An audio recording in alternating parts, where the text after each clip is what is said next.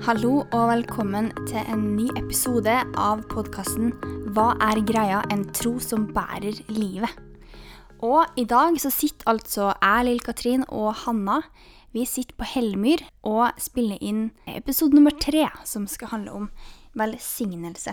Og så vil jeg først bare si tusen takk for alle fine tilbakemeldinger som vi har fått. Det har vært utrolig lærerikt. Vi har fått veldig mange gode tips og triks til hvordan vi skal gjøre det bedre, og vi har også fått veldig mange gode tilbakemeldinger på hva det er som har vært bra.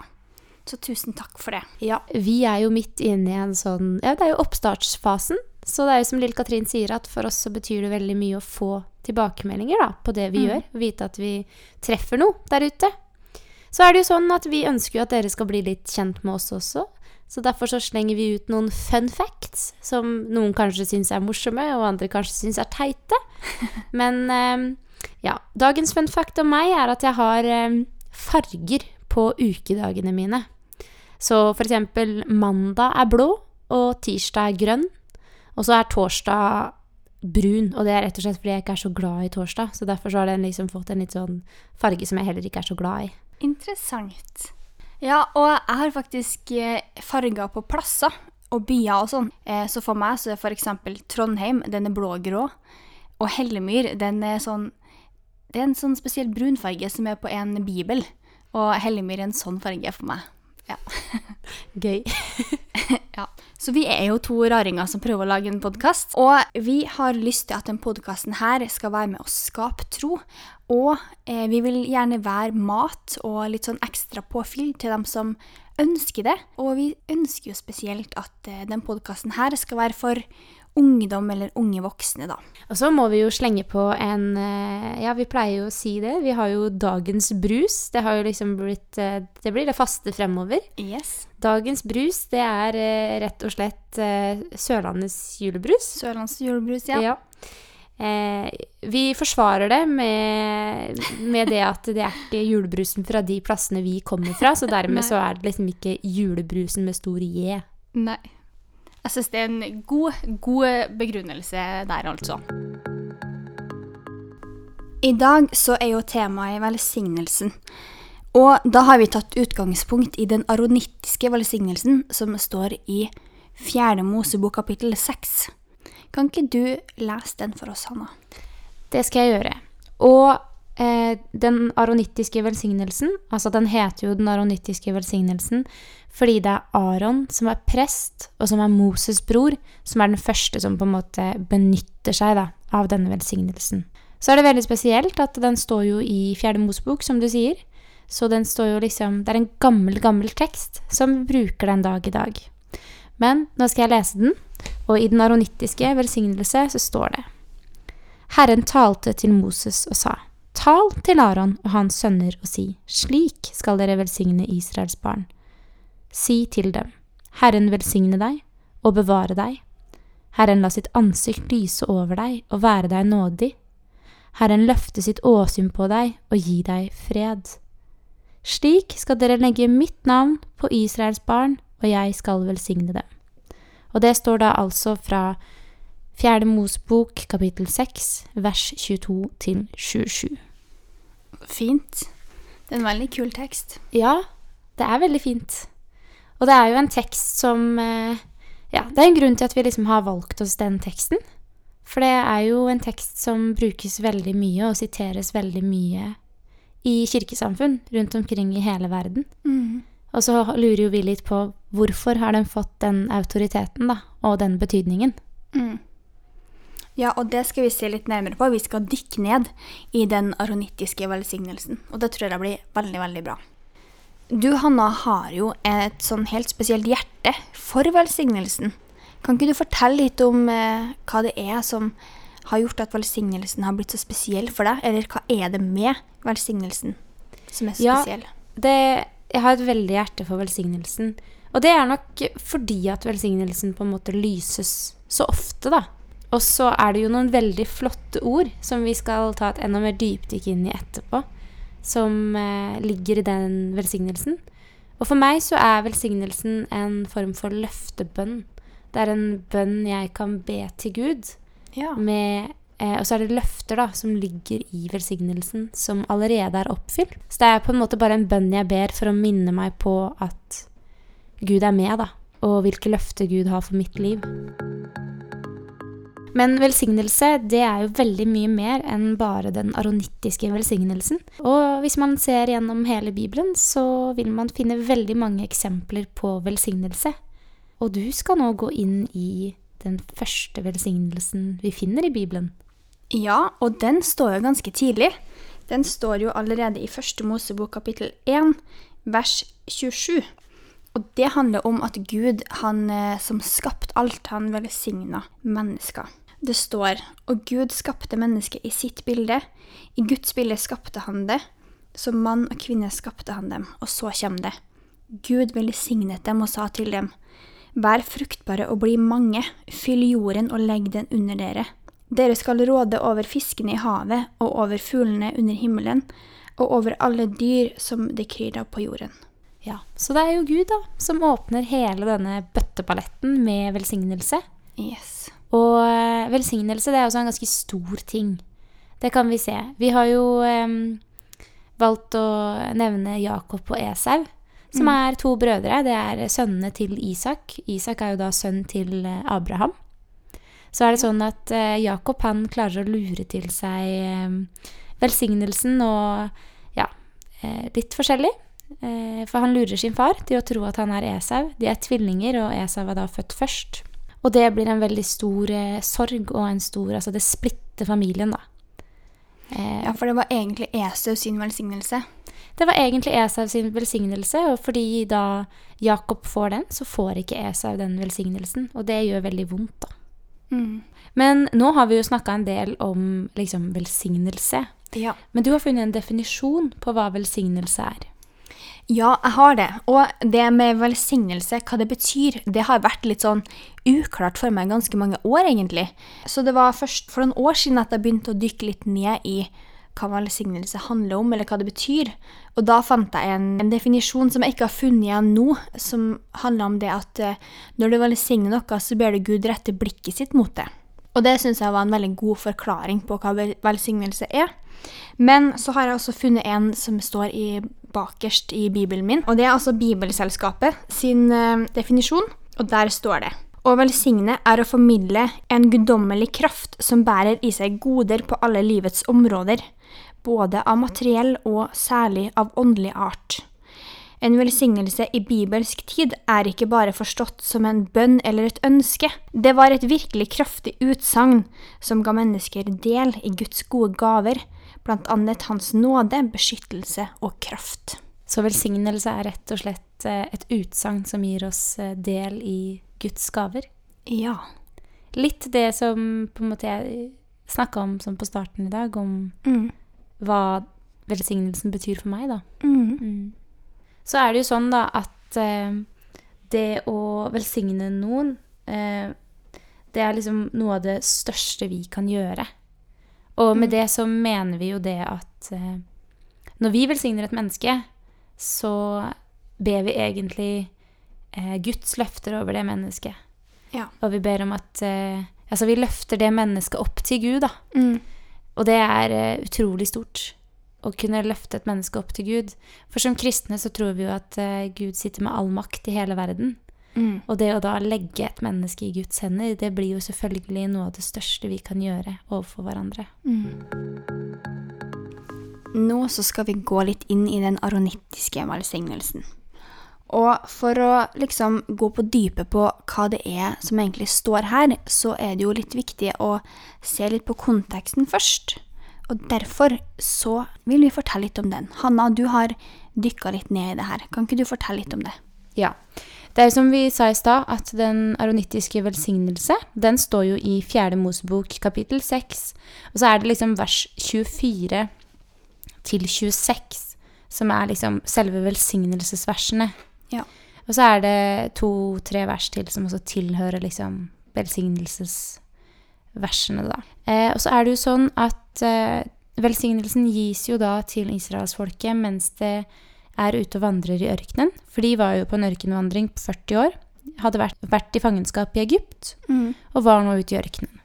så er det sånn at eh, Moses mottar jo de ti bud. Og så er det en del eh, regler og forskrifter og forbud og sånn som kommer på plass mens de er i ørkenvandring, og en del sånn Ja, de hadde jo en del ofringer og litt forskjellige regler for hvordan man skulle ofre og sånne type ting. Mm. Eh, som på en måte ligger før velsignelsen. Og det aller liksom, siste som ligger før velsignelsen, det er det som kalles nasireerløftet. Og et nasireer, eller en nasireer, da, det var en som var eh, innviet til å gjøre en spesiell tjeneste, da, for Gud. Mm. Eh, og så kommer da, eh, kommer da ikke nasireerløftet, men så kommer velsignelsen etter det, da. Ja. Og da er det jo sånn at eh, vers 22 så står det jo at Herren talte til Moses og sa, Tal til Aron og hans sønner og si, slik skal dere velsigne Israels barn. Si til dem. Og det er ganske spennende, fordi det er flere viktige ting i vers 22. For det første så står det Herren talte til Moses Ja. og sa. Ikke sant? Herren talte til Moses og sa, tal til Aron og hans sønner og si, slik skal dere velsigne Israels barn. Si til dem. Så det vi kan avdekke da, allerede i vers 22, er at eh, velsignelsen, det er ikke noe som mennesket har kommet opp med. Altså den aronittiske velsignelsen. Det er en velsignelse som er gitt av Gud. Altså det er Gud som har gitt disse ordene og denne velsignelsen til Moses, som Moses da skulle gi videre sitt til sin bror Aron og hans sønner. For det var jo de som var prester for israelittene. Så det er veldig kult. At velsignelsen den adresseres til Gud. Og det gir den også en helt annen form for autoritet enn hvis det hadde vært eh, et menneske som hadde funnet på å skrive ned velsignelsen. Mm. Og så er det jo eh, selve velsignelsesversene, som er 'Herren velsigne deg og bevare deg'. 'Herren la sitt ansikt lyse over deg og være deg nådig'. Og 'Herren løfte sitt åsyn på deg og gi deg fred'. Det er liksom de tre velsignelsesversene. Og så vers 27 så står det Slik skal dere legge mitt navn på Israels barn, og jeg skal velsigne dem. Og da er det noen bibelkommentarer som sier det at eh, det her rett og slett er altså slik skal dere legge mitt navn på Israels barn, og jeg skal velsigne dem. At det rett og slett er gjør det på den måten her, sånn at israelittene skal vite hvem som er dems Gud. De skal vite hvem jeg er. Så det er på en måte en måte å minne israelittene på hvem som passer på dem, da, og hvem som er dems Gud, og hvem de står ansvarlig ovenfor. Ja. Så er det jo da, ja, og det er jo da rett og slett en velsignelse som først og fremst ble gitt til israelittene. Og så har vi kristne da også tenkt at dette er en så flott tekst og en så fin velsignelse at den vil også vi bruke da i våre gudstjenester. Ja, det er så fint.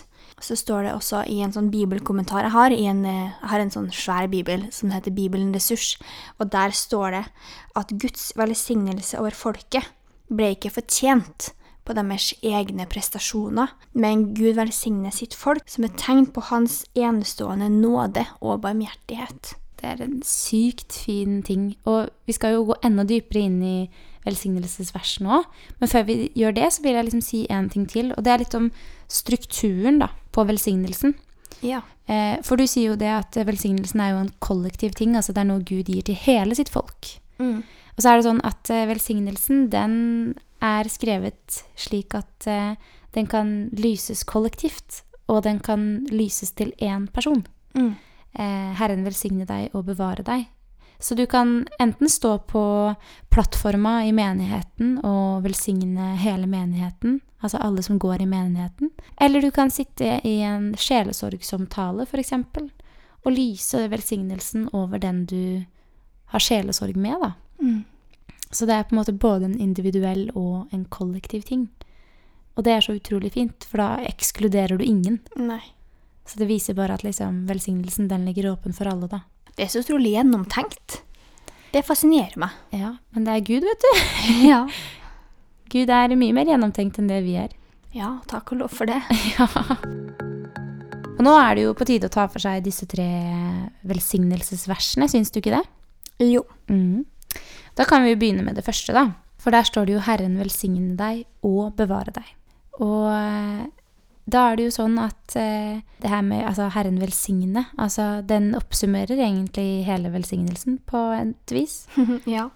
For den, eh, altså å velsigne Ja, du sa jo litt om det i stad, at det her er mot Det er jo å ønske noen vel, og ønske at Gud skal være med noen. Mm.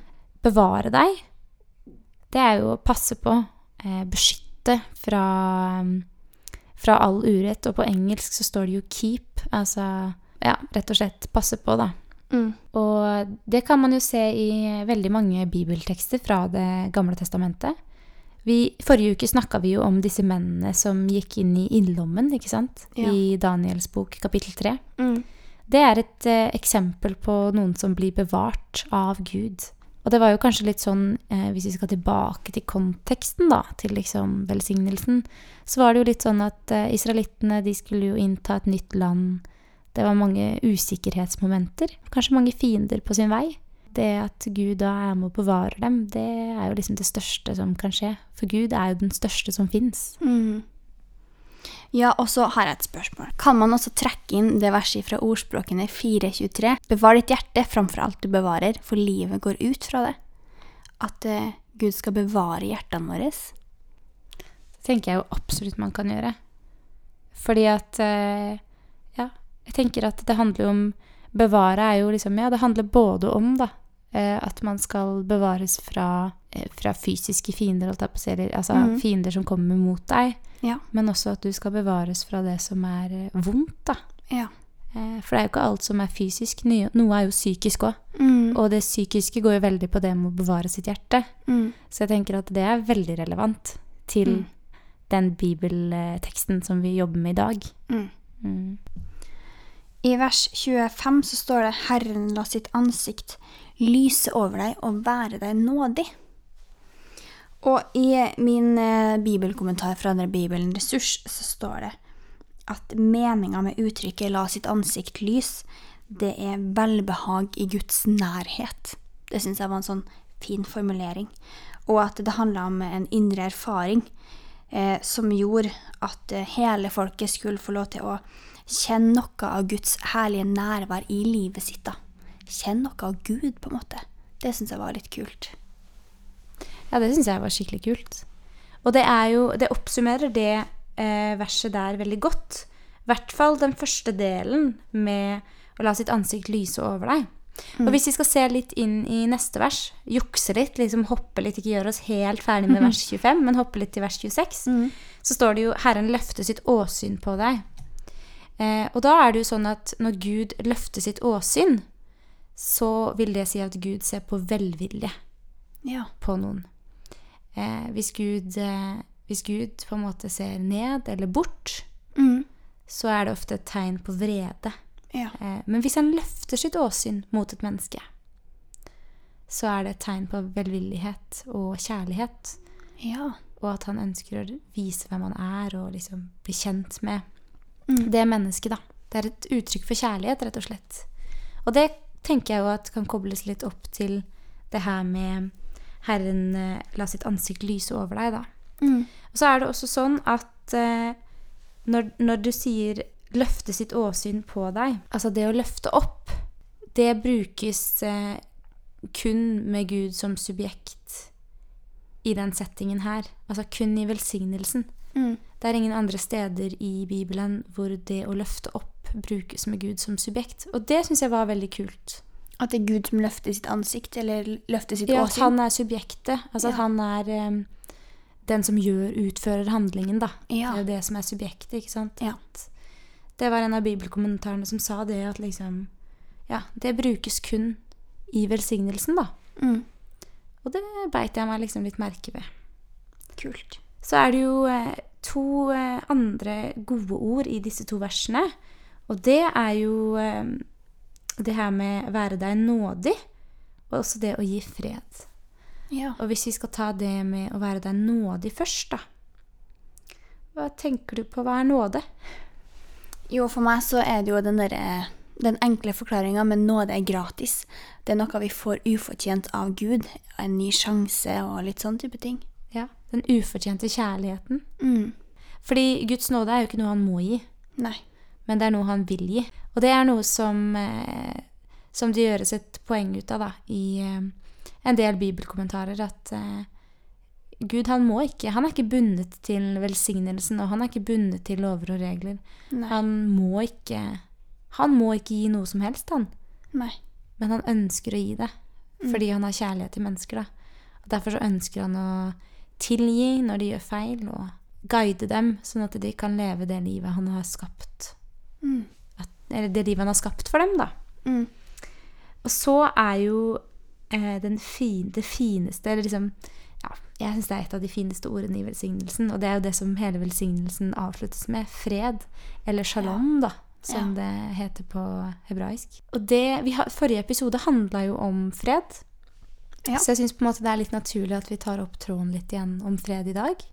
Absolutt.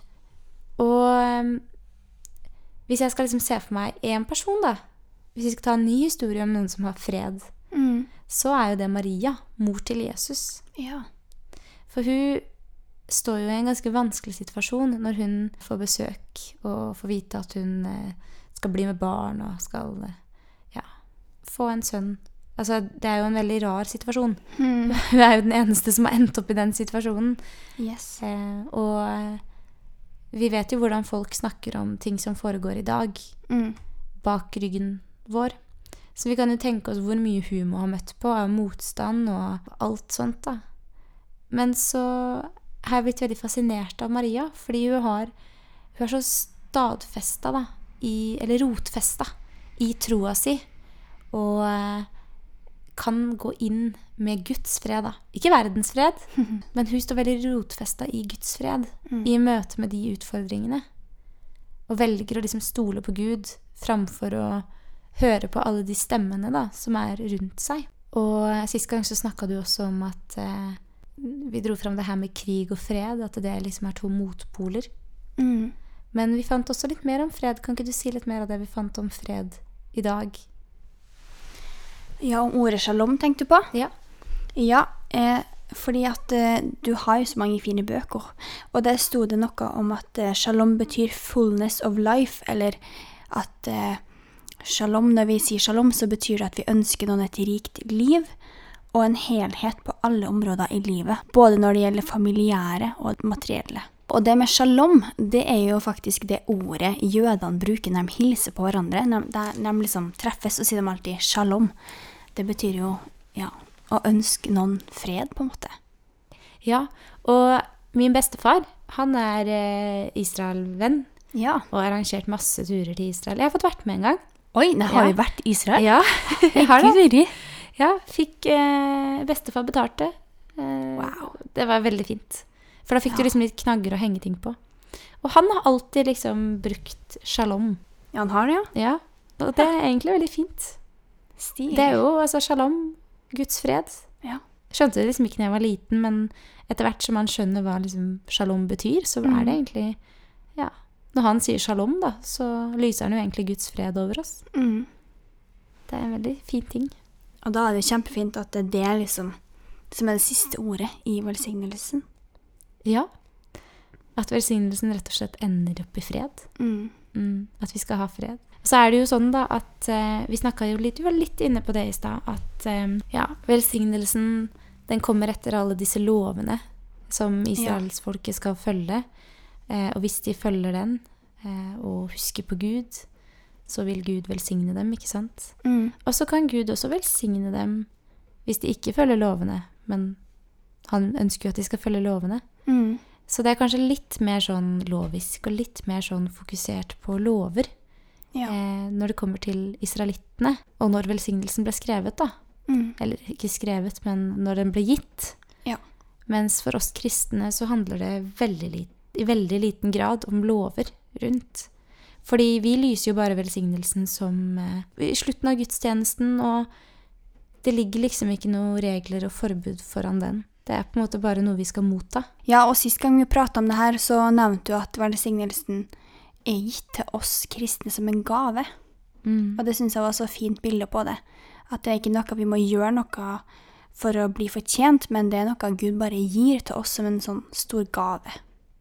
Ja, for jeg tror at i de velsignelsesordene, da, og det er derfor at vi har tatt det litt for oss nå, at på en Ja. måte eh, hva, hva betyr de ordene som ligger i velsignelsen? Og det ligger noen løfter, da, som er gudegitt. Mm. Og eh, på mange måter så er det jo Jesus som er eh, den største velsignelsen som er gitt til menneskene, ikke sant? Absolutt. Og eh, alle de løftene som ligger i Bibelen Jeg syns at velsignelsen oppsummerer da, de løftene på en så fin måte. Og at de egentlig setter oss litt i riktig forhold til Gud, Mm. som hans barn, Ja. og som noen han ønsker å passe på, og som han virkelig elsker. da. Og han ønsker det beste for oss. Mm. Og det er jo også derfor han hadde alle disse lovene og reglene og forskriftene, og det er også derfor israelittene skulle ofre, ikke sant? Mm. Fordi at Gud ønsket at de skulle holde seg til han, fordi at han vet hva som er det beste for dem. Fordi at han elsker dem. Så velsignelsen er en stor gave, rett og slett. Men hvorfor er velsignelsen viktig, da? Ja, du stiller jo et eh, veldig godt spørsmål. Det er jo sånn at eh, velsignelsen, den tar for seg både de jordiske tingene og de åndelige tingene, altså det som har med gudsforhold å gjøre. Ja. Eh, for alle disse eh, velsignelsesordene, da, ikke sant, bevare, nådig, alle, det er velsignelsesord, Mm. så er det jo sånn at uh, velsignelsen er jo delt inn i tre ja, det er jo tre setninger med liksom to velsignelsesord da, til hvert, hvert av disse setningene. Og så nevner man jo da gudsnavnet Javé i hver setning. For å Ja. minne mennesket på at det er Gud. Altså det er ikke hvilken som helst Gud, men det er eh, Israelfolkets Gud, da. Og også vi kristnes. Det er vår Gud. Mm. For det fantes eh, eller tro på veldig mange forskjellige guder før i tiden, og det gjør det jo for så vidt i dag òg. Ja, absolutt. Men Javé er liksom det navnet Gud bruker om seg selv, da. Og så er det jo sånn at, eh, som jeg sa, den handler om både det jordiske og de åndelige ting. Og da er det jo i den forstand at eh, veldig mye av våre redsler, eller veldig mye av våre bekymringer, vår hverdag, skjer jo i det jordiske, ikke sant? Ja. i møte med andre mennesker, i møte med ja, utfordringer. Mm. Og eh, at han skal bevare oss, det handler jo om både at han skal bevare oss fra det vonde som vi kan møte på her på jorden. Og, og knytter jo det da sammen med det at Men det er jeg, Javé, som bevarer deg. Ja. Det er jeg, din Gud, som bevarer deg. Nå møter du på en utfordring her, på jorden. Mm. Jeg har overvunnet jorden, og jeg er din Gud. Så ja, jeg tenker den er veldig viktig fordi at den ja, viser til hvem Gud er, da. Ja. Og hvem Gud eh, Ja, hvem Gud sier at du er, i lys av hvem han er. Og en annen ting med velsignelsen, det er jo det at eh, Jeg har vært litt inne på det. At sånn som den lyses ofte i slutten av gudstjenesten. Mm. Og i dag er det jo sånn at hvem som helst kan lyse velsignelsen. Det har vi vært litt inne på, ikke sant? det her med at den er både individualistisk og kollektiv. Ja. Men eh, på Moses sin tid, og liksom i Det gamle testamentet, så var det sånn at eh, velsignelsen, den fulgte liksom prestene. Så det var prestene som gjorde det. Og eh, ja, det er noen eksempler fra Bibelen hvor man tenker at man tenker at velsignelsen, grunnen til at den liksom er i slutten av gudstjenesten, er fordi at eh, man tror, da, ut ifra liksom noen bibelske tekster, Mm. at velsignelsen ofte kom etter at man hadde ofret til Gud. Etter at man hadde Ja, da hadde man jo ofret for synder, eller man hadde ofret eh, Det er ulike grunner til at man ofret. Mm. Men man tenker liksom at eh, velsignelsen kom etter det, da. Akkurat som at den er plassert etter ja, forskrifter og regler og litt sånn forskjellig, da. Ja. Så det var rett og slett eh, prestene i Det gamle testamentet som utlyste da velsignelsen over folket. Mm. Mens i dag så er det vanlig at eh, hvem som helst kan gjøre det. Mm. Og ja. Ja, hvem som helst. Altså, det må jo helst være noen kristne, da. ja. Det er vel et kriterium. Helst være den kristne. Det er kanskje et kriterium. Ja. Men, men det viser jo på en måte enkelheten. Altså at velsignelsen den skal være tilgjengelig for alle. Mm. For det er jo sånn at når Jesus døde på korset, så er jo han på en måte det ultimate offeret. Mm. Og dermed så ble det livet da tilgjengelig for alle. Og da kan hvem som helst utlyse velsignelsen. Da er det rett og slett på tide å snakke om velsignelse i dag. Ja. Der har du litt tanker, har du ikke det, Lille Katrin? Jo, jeg har vel egentlig det. Jeg har eh, vært veldig heldig og så fått eh, jobba veldig tett med noen som har hatt veldig fokus på det med velsignelse og det med velsignelse i vårt liv. Og så har jeg lest en bok av en som heter Roy Godwin, som har starta et sånt retreatsted i Wales som heter Faldy Brennan.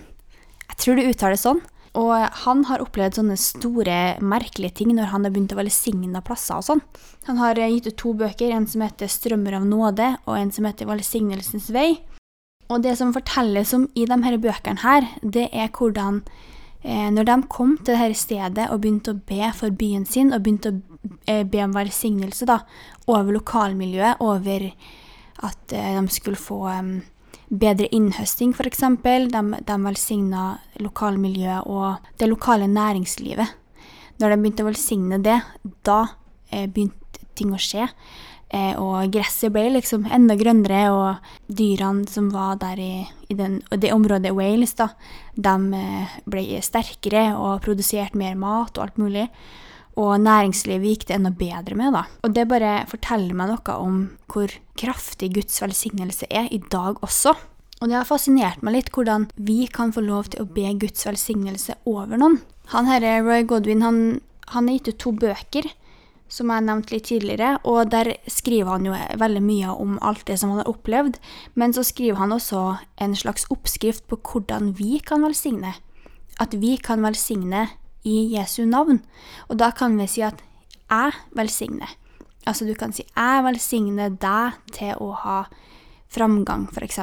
Men vi må også gjøre det i Jesu navn. Mm. At jeg kan si jeg velsigner deg i Jesu navn til å ha framgang. Ja, for det er jo ikke i vår kraft. Nei, riktig. Og det er derfor vi må si i Jesu navn. Mm. Et eksempel på hvordan en sånn velsignelse kan se ut, da, eller kan sies, det finner vi i den ene boka, så jeg skal bare lese et eksempel som er herfra. Og der står det Jeg velsigner deg i Jesu navn, måtte du merke at dine forhold til andre styrkes, at brutte vennskap gjenopprettes, og at dine vennskap blir fruktbare. Først så sier du at jeg velsigner deg i Jesu navn, og så sier du hva du ønsker at skal bli velsigna. Jeg syns eh, den eh, velsignelsen som du leste opp nå, var veldig fin, fordi at eh, den var veldig enkel. Mm. Jeg føler på mange måter at det er den aronittiske velsignelsen, bare veldig mye mindre komplisert. da. At den, ja. den sier så enkelt hva det handler om, da. Ja. Det handler om jo, det handler om at vi løfter et menneske fremfor Gud, fremfor Jesus. Og så skal det Jesus gjøre jobben, da. Mm. Og vi løfter det frem fordi vi har kjærlighet for det, mm. og fordi vi vet at Gud har kjærlighet for det. Og jeg tror det er noe av det som også fascinerer meg så enormt mye med velsignelsen, altså den aronittiske velsignelse. Ja.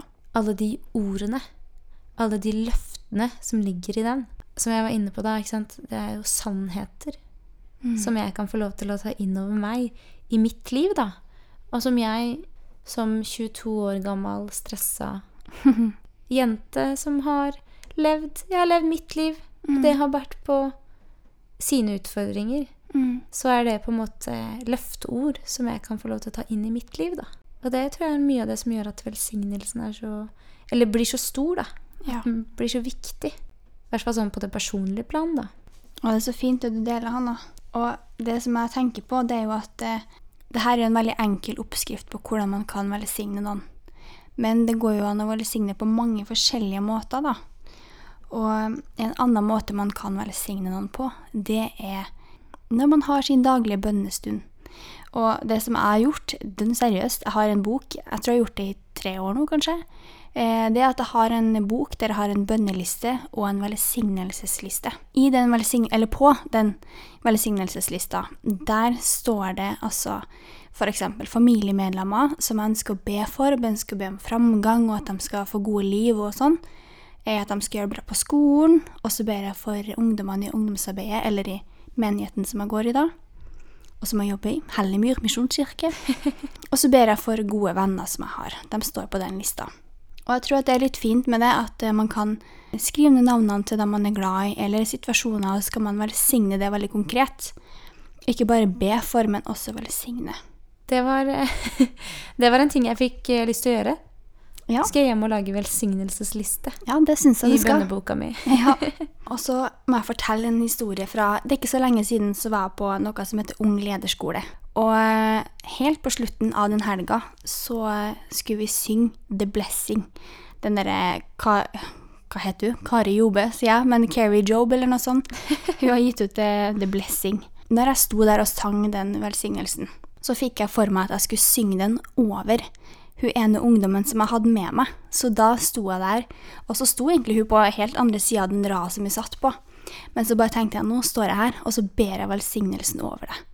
At liksom May his favor be upon you, så videre og så um, ble det veldig sterkt for meg. Jeg ble skikkelig rørt av å tenke på det, og av liksom å, å få lov til å velsigne noen. For jeg tenker at eh, det å, um, å få be Guds godhet da, og Guds gode gaver over et annet menneske, det syns jeg er veldig, veldig stort. Jeg er helt enig. Det er jo som vi har nevnt noen ganger, at det er, eh, det er det største vi kan gjøre for hverandre. Å la Gud få lov til å virke inn i et menneskets liv, da. Mm. Gud kan jo virke selv om, altså han virker jo inn selv om vi ikke velsigner, men det er noe med at når vi velsigner noen Om det er at man bruker den aronittiske velsignelsen, eller disse enkle velsignelsene som du har vært litt inn på nå, så gjør vi oss selv oppmerksomme på Gud. Og det er jo også derfor Gud bruker Eller derfor Herren ikke sant, brukes i alle disse velsignelsesleddene, da, ikke sant? Ja. Javé, som er eh, liksom hans, hans eget Måten han omtaler seg sjøl på, da. Ja. Eh, fordi at han ønsker at vi skal huske på hvem han er. Og det sier han jo til Moses Mm. i vers 27. Så det å få lov til å velsigne, det er en stor greie, ass. Og han guden vi har å gjøre med, han er fantastisk. ja, han er kul. Nå går vi inn for eh, en avslutning på denne podkastepisoden. Og vi håper jo selvfølgelig at, eh, ja, at dere har lært noe nytt om velsignelsen, og at dere har lyst til å høre på oss mer. Og så er det jo sånn at eh, ja, vi har jo sittet og fundert litt. Noe er jo eh, tanker fra bibelkommentarer, og en del er også egne tanker.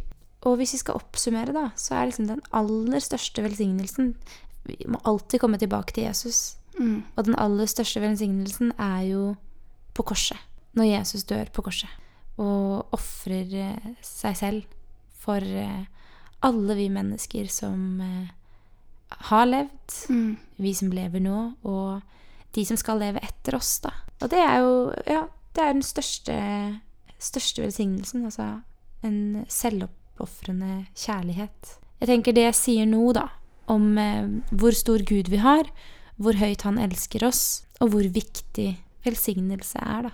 For Jesus, han velsigner oss virkelig.